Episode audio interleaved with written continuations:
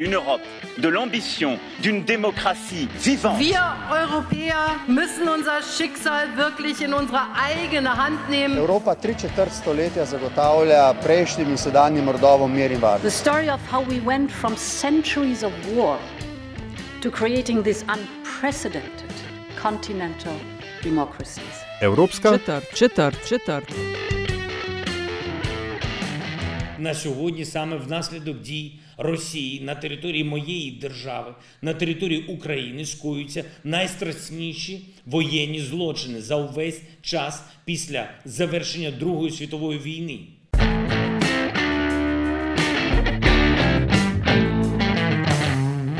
Spoštovane in cenjeni, dobrodošli v podkastu Evropska četrt, podkastu o vsem, kar vas bo zanimalo o Evropski uniji, pa niste vedeli, koga vprašati.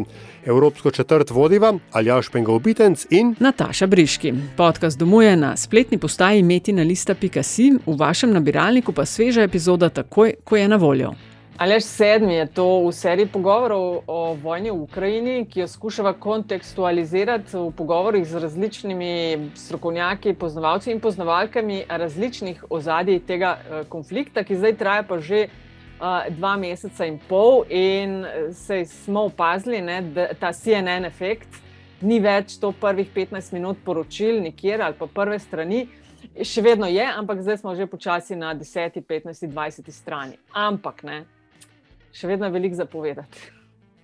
Ja, Nataža, um, ne samo, da je veliko zapovedati, tudi um, dlje kot ta um, žalostni in nepotrebni konflikt traja, ne, dlje kot uh, traja ruska agresija na Ukrajino, um, na nek način več vemo o Ukrajini in več nas zanima mm. o Ukrajini. Ker za, ne vem, kako je za te, za mojo generacijo je pač Ukrajina je bila vedno žitarica Evrope. Ne, nekoč je bila del Sovjetske zveze, potem je bila neodvisna in v resnici je bilo to to.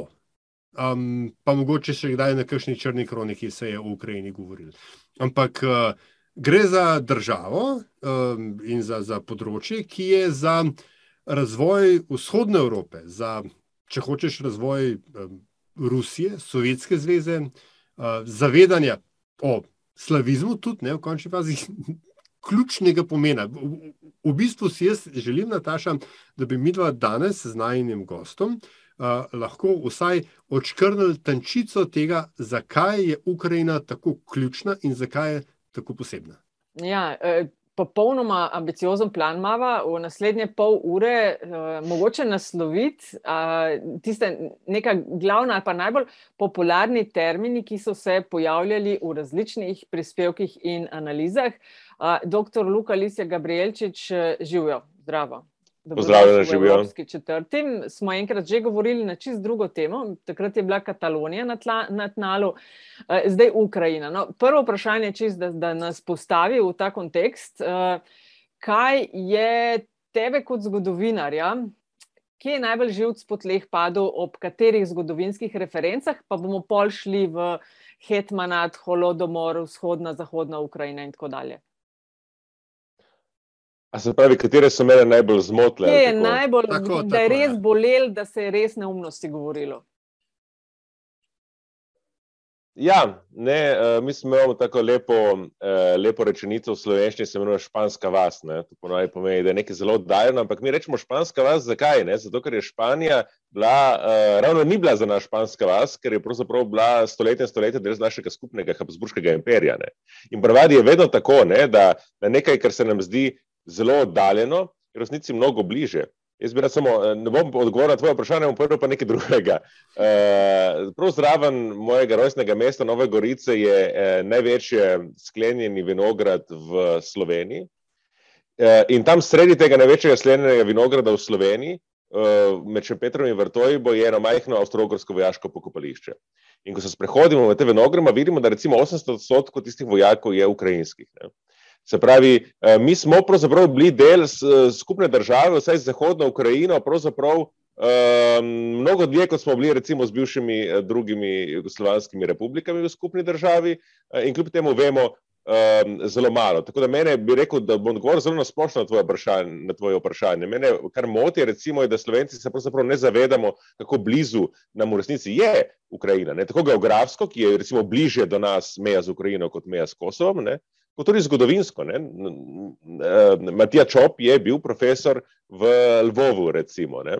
ko se je dopisoval s Preširnem in tako podobno. Ne? To je, saj ta zahodna Ukrajina je dolgo časa bila del um, nekega skupnega zgodovinskega prostora in tudi kulturnega. Okay, no, na, na nek način si odgovoril na to prvo vprašanje. Se pravi, že sploh ta detachment, kako mislimo, da je Ukrajina nekje tam daleč in da mi nismo nikoli zares imeli kakšne veze z njo, je, uh, je mogoče nekaj, kjer, te, uh, uh -huh. najbolj, kjer je bilo ja. najbolj, najbolj napeto. No. Gremo čisto na začetek, po mojem, Eljaš. Ne.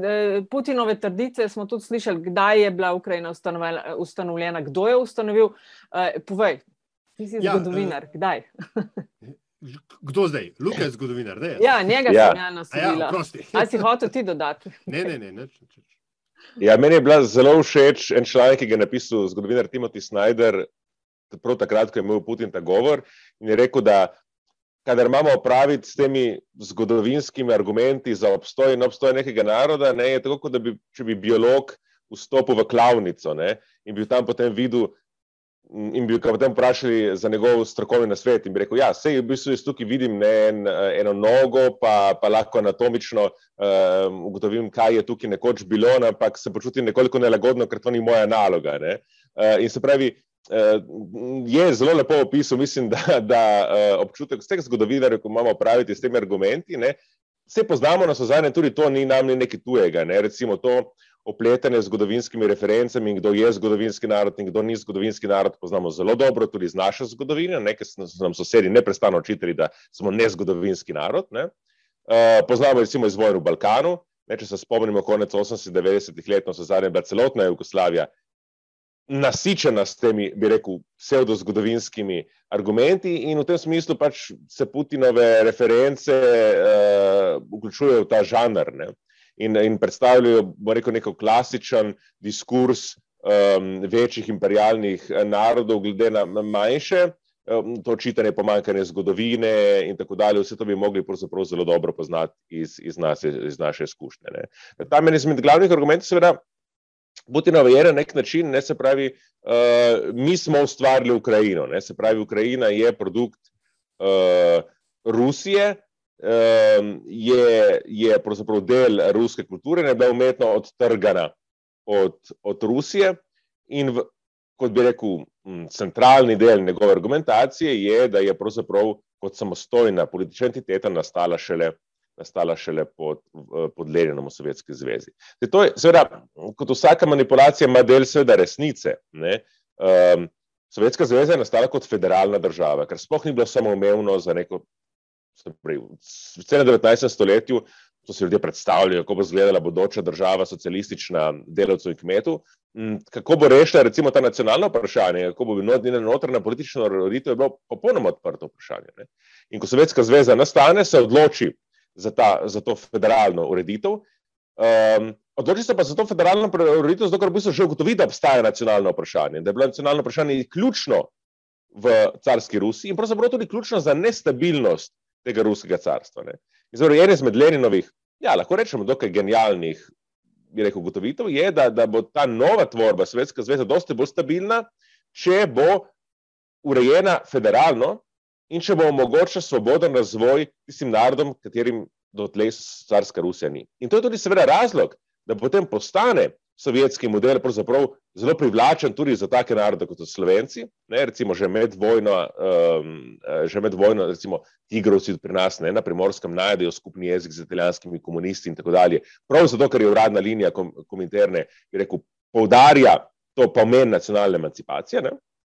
In uh, 20. leta uh, prejšnjega stoletja so zelo pomembna za razvoj dejansko tudi ukrajinske nacionalne identitete, standardizacije jezika, predvsem pa bi rekel razširjanja jezika v, v šolski sistem um, uh, ali alfabetizacije prebivalstva v Ukrajini, ker uh, Leninov re, režim, Leninov socialistični sistem rekel, pro, zelo proaktivno, da danes bi rekli temu, uh, um, je že affirmative action, ne, se pravi, zelo proaktivno pristopa k tem uh, manjšinskim kulturam znotraj Rusije.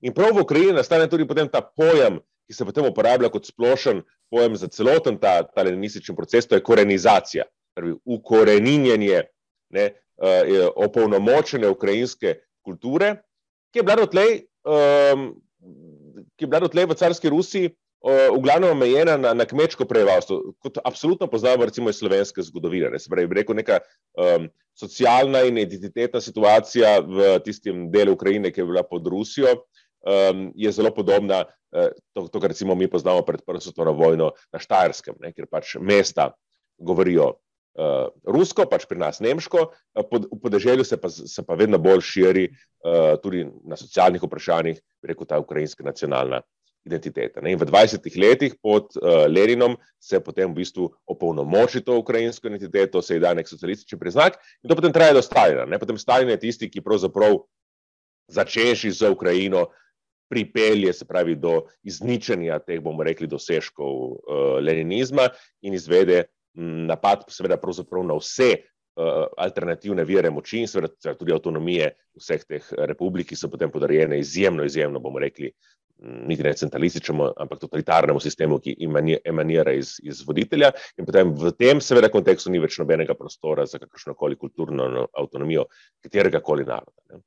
In potem to se, to se potem na nek način vleče um, skozi celotno zgodovino Sovjetske zveze um, z določenimi pre, prelomi, zlasti v 60-ih letih, ampak bi rekel, tiste vrnitve na na čas leninizma, se pravi, kot ga poznamo tudi pri nas, potem iz Jugoslavije, zato ga resnično opolnomočanja manjšinskih identitet v Sovjetski zvezi potem ne vidimo več. Ne.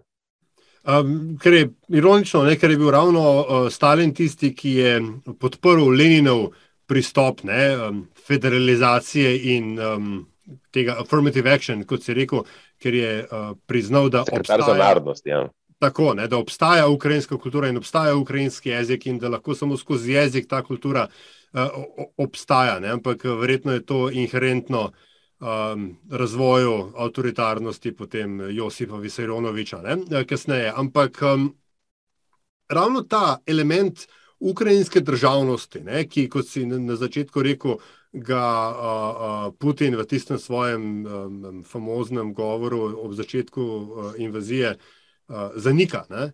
Je v resnici nekaj, kar se skozi tudi v 20. stoletju. Ne, uh, uh, če pustimo vse tiste zgodbe iz začet, zgodnega srednjega veka v Kijevskem Rusu in tako dalje. Ampak ker se v 20. stoletju vleče, ne, je ukrajinska državnost, ne glede na vso centralizacijo iz Moskve, Ukrajina. Kot entiteta obstaja. Obstaja kot uh, republika v Sovjetski zvezi, in ne, kot uh, sem pred kratkim ponovno obnovil znanje srednje šole, obstajala je kot eh, subjekt mednarodnega prava.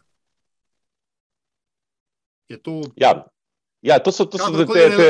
relevantno za današnjo. Za današnjo Absolutno. Uh, Ukrajina je ustanovna članica Združenih narodov. Um, rekel so, ustanovijo Združenih, na, Združenih narodov, se pravi, ne, to, je, to je ta lepota stalinizma, ne, v bistvu ta, ta igra z. z, z uh, Stalin je seveda ohranil Leninov sistem, ne, izvodljiga njegovega izvornega pomena ne, in, in potem se pač.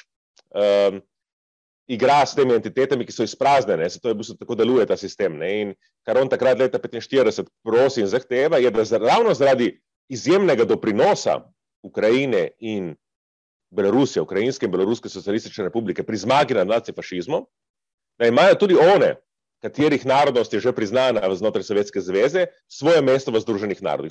To so verjeli pač, da ima, da ima potem um, uh, Stalin v tistih prvih Združenih narodih, ki imajo mnogo manj članov kot danes, ne, tri glasove. uh, ampak seveda zavezniki to priznajo in mu potem dajo te, te tri glasove. Ne, Ker seveda potem tudi Kanada je potem članica teh združenih narodov, ki je v bistvu del Commonwealtha ne, in tako da znotraj tega paketa pride jaja tudi uh, Ukrajina uh, noter. Nekaj mislim, da ima zdaj čisto detaljno, celo en um, Na eni točki se zgodi v koncu 40-ih let, da, da temu veleposlaniku Ukrajinskemu združenih narodov ima en trenutek uh, samostojnega odločanja in mislim, da ima zelo pomembno vlogo pri izglasovanju um, resolucije, s katerimi je ustanovljen Izrael, mimo grede.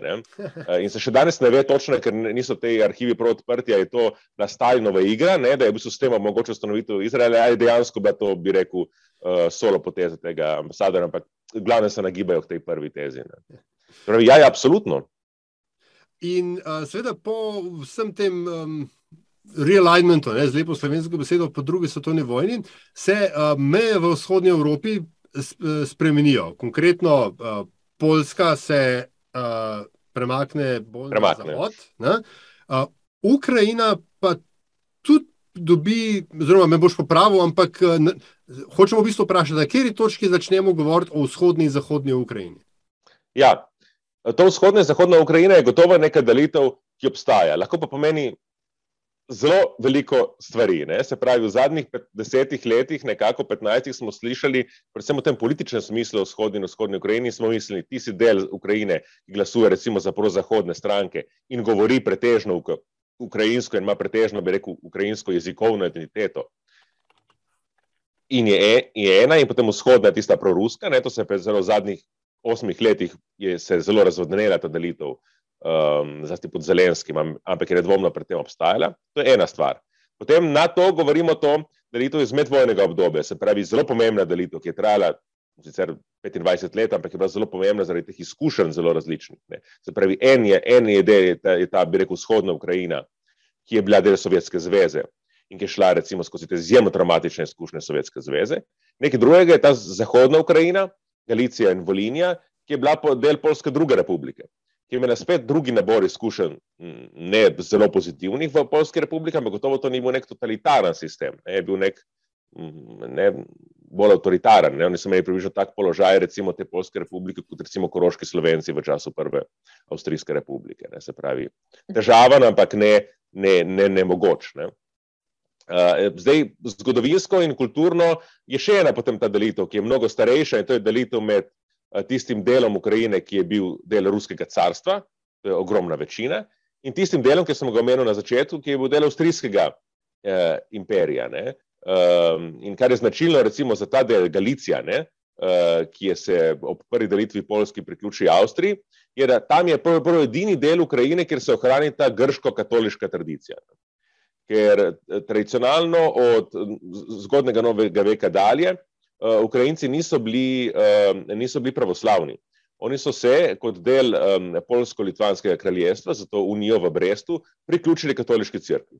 Ohranili so svojo bizantinsko, grško, ne se je reklo takrat, obredje, ampak so bili del, polnopravni del katoliškega občestva, kot so še danes, pravzaprav na Bližnjem vzhodu, številne um, armenska katoliška crkva in tako dalje, ki ohranijo svoje obredje, ampak priznavajo papeža in so del katoliškega občestva.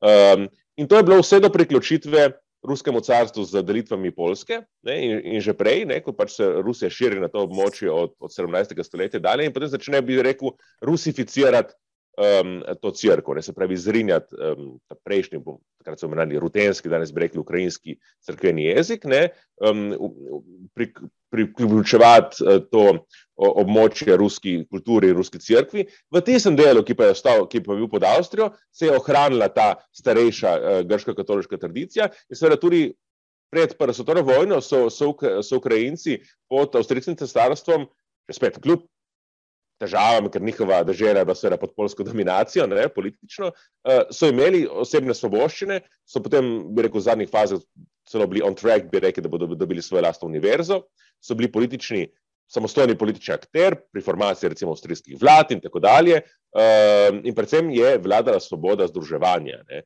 In zato je, bila, je postala ta Galicija, to je območje okrog Lviva, pa potem še bolj južne, ne, Bukovina in tako dalje, Trnopol, to so ta mesta, ne, najbolj zahodnega dela Ukrajine, um, je v bistvu v, v, v koncu 19. stoletja postala en izmed center razvoja ukrajinske nacionalne identitete, ker so bili pogoji um, mnogo bolj liberalnejši pod, pod avstrijskim imperijem, ki je seveda tudi um, marsikdaj dobrohotno gledal na to identiteto kot neko produtež, recimo Poljakom znotraj lastnega imperija, Eh, tudi kot nek protivtež ruskemu vplivu. Ne. Gotovo so raje imeli recimo ukrajinske nacionaliste znotraj svojih meja kot neke proruske, recimo, ne. um, neko prorusko prebivalstvo.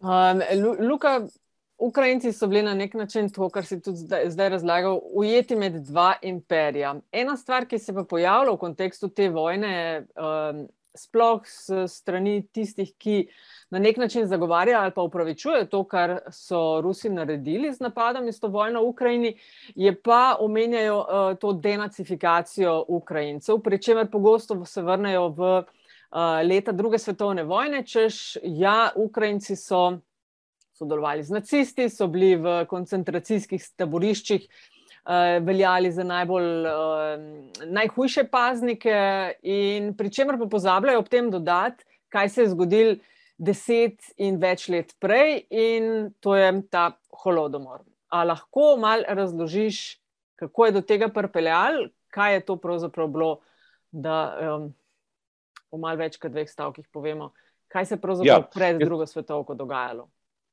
Jaz mislim, da ta um, floskula, ta mem o denesifikaciji Ukrajine, spet ga lahko poskušamo razumeti znotraj tega, kar poznamo bolje, recimo zgodovino jugoslavskih vojn. Meni to se mi zdi zelo podobno o, te, o tej zgodbi, o, ne, ko, se je govorilo, ko, so, ko, so, ko je srpska agresija na Bosno govorila o tem, da hoče preprečiti uh, fundamentalizacijo ali pa se, da se bori proti islamskemu fundamentalizmu. To, to je dejansko z, zelo dobra usporednica. Um, in, in moramo na ta način tudi to uh, gledati. In usporednica tudi v tem smislu, da dlje kot bo vojna trajala, bolje je verjetno, da bodo dejansko se tudi na ukrajinski strani okrepile. Um, bi rekel, skrajne nacionalistične pozicije, tako kot seveda je veljalo v vojni v Bosni. Dlje kot je vojna trajala, um, več je bila verjetnost, da bo dejansko tudi islamske milice ne, uh, začele, začele vznikati. Ne. To je na nek način uh, self-fulfilling prophecy. Uh, Tako da to je, po mojem, treba obravnavati bolj kot neko retorično, um, retorično floskulo. Zdaj, če vzamemo zgodovino druge svetovne vojne, um, ja, se, se pravi, ko, ko nacistična Nemčija napade Sovjetsko zvezo, takrat poleti 1941, um, ko prodira v Ukrajino, seveda naleti. Um, naleti dosti krat na prebivalstvo, ki sprejema to, uh, to okupacijsko silo z naklonjenostjo, z rožami, bi mhm. rekli danes. Ne. En izmed razlogov je seveda zato, ker se je dve leti o, tem, o tej nacistični Nemčiji v sovjetskem tisku govorilo pozitivno. se je govorilo vse dobro, ker je bila eh, od, od leta 1939 dalje zaveznica Sovjetske zveze. Uh, ampak ukrajinsko pravstvo zelo, zelo hitro spozna, uh, kakšen je namen nacistov v v Ukrajini, se pravi ustanovitev nekega ras, rasnega imperija. In tukaj dejansko prostora za nek modus vivendi, pravzaprav ni. Uh, in tukaj bi rad opozoril, da je, um, seveda, nastanejo uh, iz, iz, iz, iz, rekel, izjemnega nezadovoljstva nad sovjetskim, sovjetsko vladavino um, in antisemitizmom in vseh teh razlogov, seveda tudi uh, pronacistične. Ukrajinske milice, kot so nastanejo proruske nacistične milice, kot nastanejo na zadnje um, norveške, slovenske, uh, srpske. Ni, ni, ni območja v okupirani Evropi, kjer ne bi imeli tudi kolaborantstva, mogoče edina izjema Poljska, ker tam pravzaprav Nemčija ne dovoli tega prostora ne, za, za, za kolaborantstvo, če ne bi bilo verjetno tudi tam. Um, ampak seveda uh, večina. Velikanska večina Ukrajincev, se, se, recimo moških, se bori v vrstah Rdeče armade. Recimo, zanimiv, šokanten podatek je, da je v Se pravi, več ukrajinskih vojakov je umrlo v drugi svetovni vojni, v absolutnem številu, kot mislim, da britanskih, francoskih in ameriških skupaj. Ne? In tudi žrtve, ki jih utrpi med drugo svetovno vojno Ukrajina, so dejansko izjemne. Več Ukrajincev po absolutnem številu umre v tej vojni kot Rusov. Uh, do, do te mere, da zgodovinar Timothy Snyder v svoji knjigi Bloodlines in drugot poskušal, poskušal v bistvu na novo napisati zgodovino druge svetovne vojne in širše zgodovino kratkega 20. stoletja skozi perspektivo Ukrajine. Ne, se pravi, ne kot neke periferije, ampak pravzaprav kjer centra, kjer, kjer se je pravzaprav dogajala tista velika zgodovina 20. stoletja, ne, kjer se začne holokaust, recimo in tako dalje. Um, res je, da seveda ko Nemci prodrejo Ukrajino, najprej prodrejo v tisti del, ki ga je Sovjetska zveza okupirala z sporozumom uh, Hitler-Stalin leta 1939, torej tisti del, ki je spadal pod Polsko.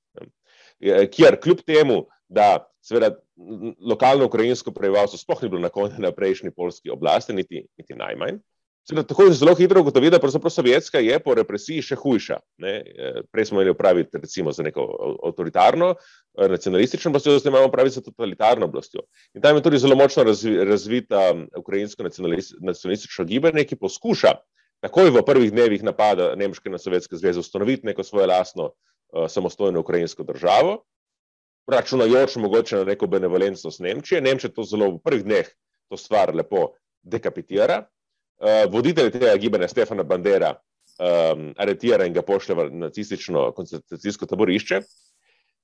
Pričemer ostane to že prej zelo, zelo uh, bi rekel, decentralizirano in, in, in, in notranje razdeljeno ukrajinsko nacionalistično gibanje še, še toliko brez voditelja in se potem znajde dejansko med dvema ognjama. Ne, se pravi, del njih poskuša kolaborirati z Nemci, eh, del poskuša vzpostaviti stike z ukrajinskimi partizani, ehm, del eh, poskuša igrati neko umestno igro. Ne. Zbrej, v, tej, v, tej, v tej zgodbi te enormne Ukrajine, ki je večja kot Francija, se dogaja marsikaj v drugi svetovni vojni. Ne. Ampak, če pogledamo številke, seveda je, je recimo.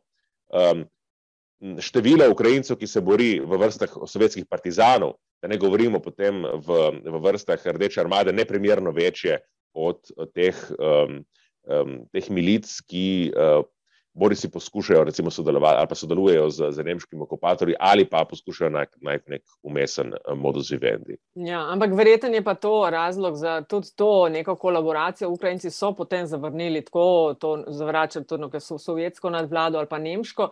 Je bil razlog tudi deset let prej holodomor. No, če ste gledali en zelo fajn film, Mr. Jones, je bil par let nazaj, so ga ja. objavili ne, o valižanskem novinarju, ki je uh, potoval v Sovjetsko zvezo z željo, da bi intervjuval Stalina. Kar je odkril, je bila pa ta silna lakota, v kateri je nekaj milijonov Ukrajincev umrlo. Uh, holodomor je, je ena stvar, o kateri se tudi zelo veliko govori ne, v kontekstu vojne v Ukrajini. Ja, holodomor je, um, je uh, poskus, uspešen poskus Stalina, kako zlomiti, kako v bistvu doseči svojo, bomo rekli, um, kmetijsko politiko na podeželju. Se pravi, kako uničiti um, ta razred malih zemljiških posestnikov, ki ga je pravzaprav polnomočil Lenin, ne? takrat po koncu uh, državljanske vojne, leta 21 in, in naprej v 20 letih, ko se pač Sovjetska zveza pod Leninom konsolidira, se gre v to mnogo liberalnejšo ekonomsko politiko, imenovana nova ekonomska politika. Nekaj, recimo, bomo rekli nekako podobno, če si zamišljamo recimo Jugoslavijo v 70-ih in 80-ih letih. Ne. Je zelo veliko eksperimentov, ki so zelo daleč od nekega ortodoksnega uh, marksizma in tudi bi rekel sovjetskega modela, kot ga poznamo kasneje.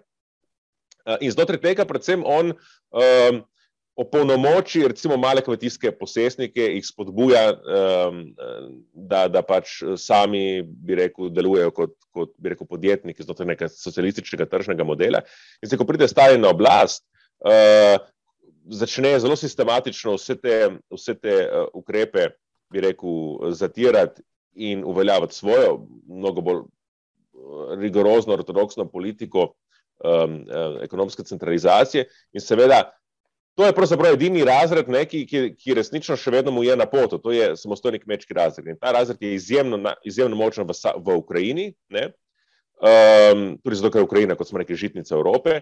In, um, in skupaj potem, seveda, z, z, z zatrtjem ukrajinskega nacionalizma, se pravi tistih, um, tistih rekel, proukrajinskih elementov znotraj, znotraj uh, komunistične partije, ki jih je opolnomočil Lenin, se začne torej v bistvu vojna z podeželjskim prebivalstvom, z samostojnim kmečkim prebivalstvom, kot poskus kolektivizacije, no, uh, ki, ki, ne, ki ne bi rekel, ni koncentriran, ni, ne obsega samo Ukrajino, to je tudi del Južne Rusije, ne, je žrtev iste politike, ampak je v, bomo rekli, v 80-90 odstotkih pač zaradi narave ekonomije koncentriran v, v sami Ukrajini.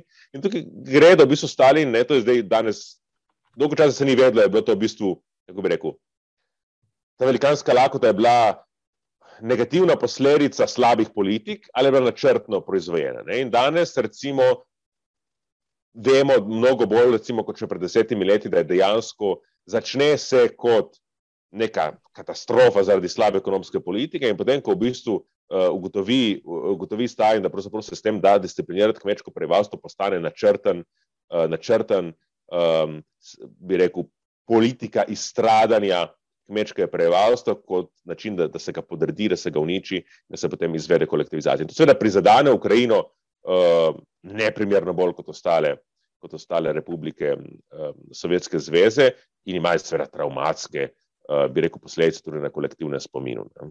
Milijoni so umrli zaradi tega genocida. Uh, ali jaš izvoli, ti imaš vprašanje na uh, ja, v bistvu temo? Smo, uh, ja, vse smo že uh, se proti koncu gibljamo našega pogovora, ampak do zdaj smo v bistvu kontekstualizirali ukrajinsko državnost, um, nacionalnost, če hočemo, uh, odnos z ruskim prostorom in konkretno uh, Sovjetsko zvezo. Uh, ampak nismo pa kontekstualizirali odnosa Ukrajine do Vladimirja Vladimiroviča Putina, oziroma obratno. Ne? A, kakšno vlogo, če kakšno, tukaj igrajo barvne revolucije? Oziroma, konkretno v Ukrajini smo v zadnjih, kaj je to zdaj, skoraj 20 letih videli dve. Ena je bila oranžna, 2004-2005, druga pa majdanska, a, 2014, a, ki je z oblasti pregnala Viktorja Janukoviča. A je možno, da je Putin v resnici samo tako zelo prestrašen, pred, oziroma se boji tega, da bi se mu zgodilo ljudstvo, da je treba disciplinirati čisto vse naokoli, kar bi potencialno lahko povzročilo, da bi se zgodilo ljudstvo. Ja, jaz mislim, da ja. Um, tudi, recimo, če pogledamo njegove govore, recimo izpred desetih let, um, je zelo jasno, da ta, ta, ta strah pred barvnimi revolucijami in ta teorije zarote, ki se širijo okrog barvnih revolucij, ki potem se širijo iz ruskih medijev in prek ruskih botov tudi na, na zahod, so tudi pri nas zelo popularne, kažejo, na, da je to v bistvu glavni, da je to glavni bi rekel, vir njegove zaskrbenosti. Ne? Da bi utegnil v Ukrajini nastati nek, kako bi rekel, alternativen sistem vladanja, ki bi bil bolj demokratičen, bolj poliarhičen, uh, ki bi predvsem predvideval menjavo, netraumatično menjavo oblasti. Ne? Uh, in zravno zaradi tega, ker so, ker so, ker so rusko in ukrajinsko prebivalstvo tako blizu, ne, ker v bistvu je Ukrajina dvojezična država, kjer so izjemno močne, bi rekel, pove, družinske povezave z Rusi. Ne. Ena stvar je, če se pač uvaja demokracija v Litvi ali pa, ali pa v Estoniji, na katero Rusi gledajo zviška in o kateri ne vejo nič. Nekaj posebno drugega je, če se, uve, če se uveljavi v Ukrajini. Ne. Uh, in zato je pač on te, te revolucije interpretiral ne, ne sprva, ne, ampak, ampak navadno se jih interpretirati kot, bi rekel, nevarnost napirana proti njegovemu režimu, kot neko zaroto, ki jo izvaja Zahod in kateri glavni končni namen je, pa se pravi, bi rekel, um, strmoglavljanje njegovega lastnega režima. Um, zdaj, to ni bilo nujno tako. Ne?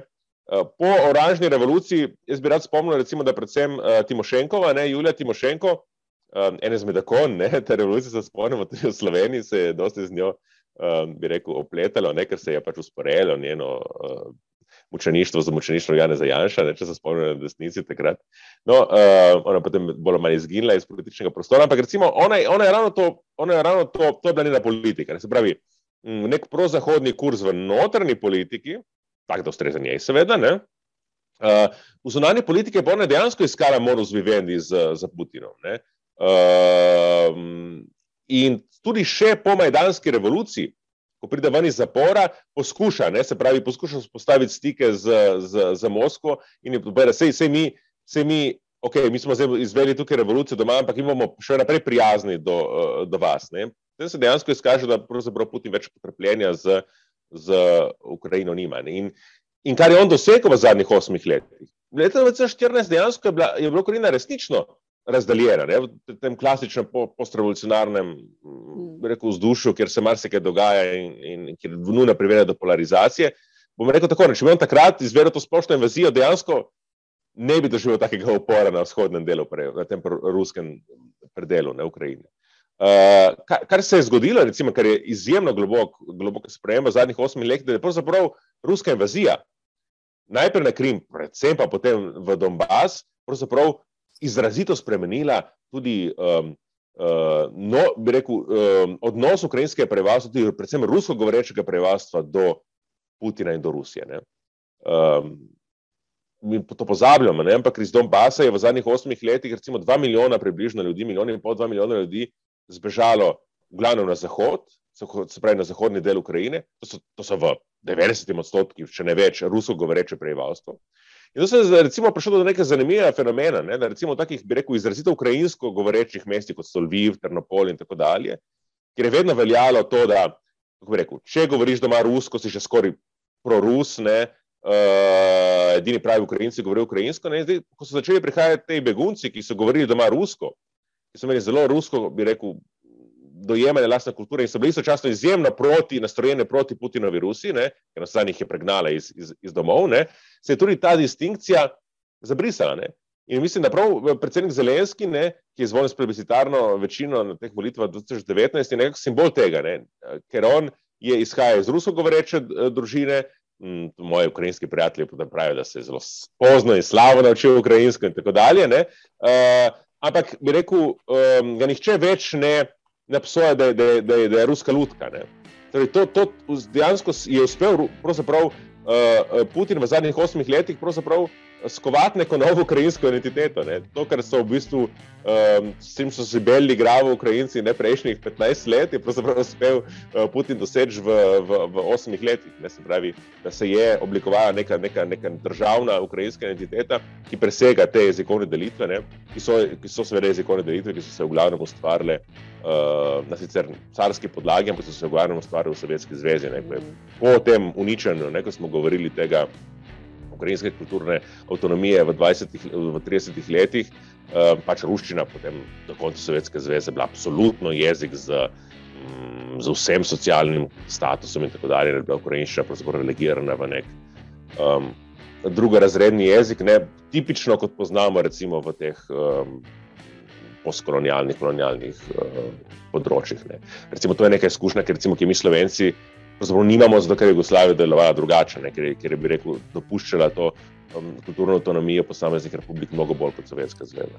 Tako na nek način, kot je uspel Putin uh, okrepiti um, povezavo NATO, ne, nove yeah. Ja. članice, ki želijo postati uh, tiste, ki so že bodo dajale še več denarja, oziroma mogoče vsaj izpolniti tiste dva odstotka, ki sta pogoj za članstvo. Uh, Doktor Luka Lisek Gabrielčič, najlepša hvala za gostovanje v Evropski četrti in da, da si nam pomagal še ta del osvetliti vojne v Ukrajini. Srečno.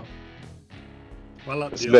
To je bila Evropska četrt. Hvala za vašo pozornost. Predlogi mnenja zelo dobrodošli. Hvala tudi za pohvale in kritike, ki jih delite z nami, in res hvala za investicije, ki jih namenjate razvoju in produkciji naših vsebin. Avtor glasbene podlage je Peli iz podcasta Opravičujemo se za vse neušečnosti. Če pa vam je vsebina všeč, bo pomagalo, da nas najde še kdo, če naj ocenite pri vašem izbranem podcast ponudniku. Sicer pa hvala za vašo družbo in se slišimo prihodnjič.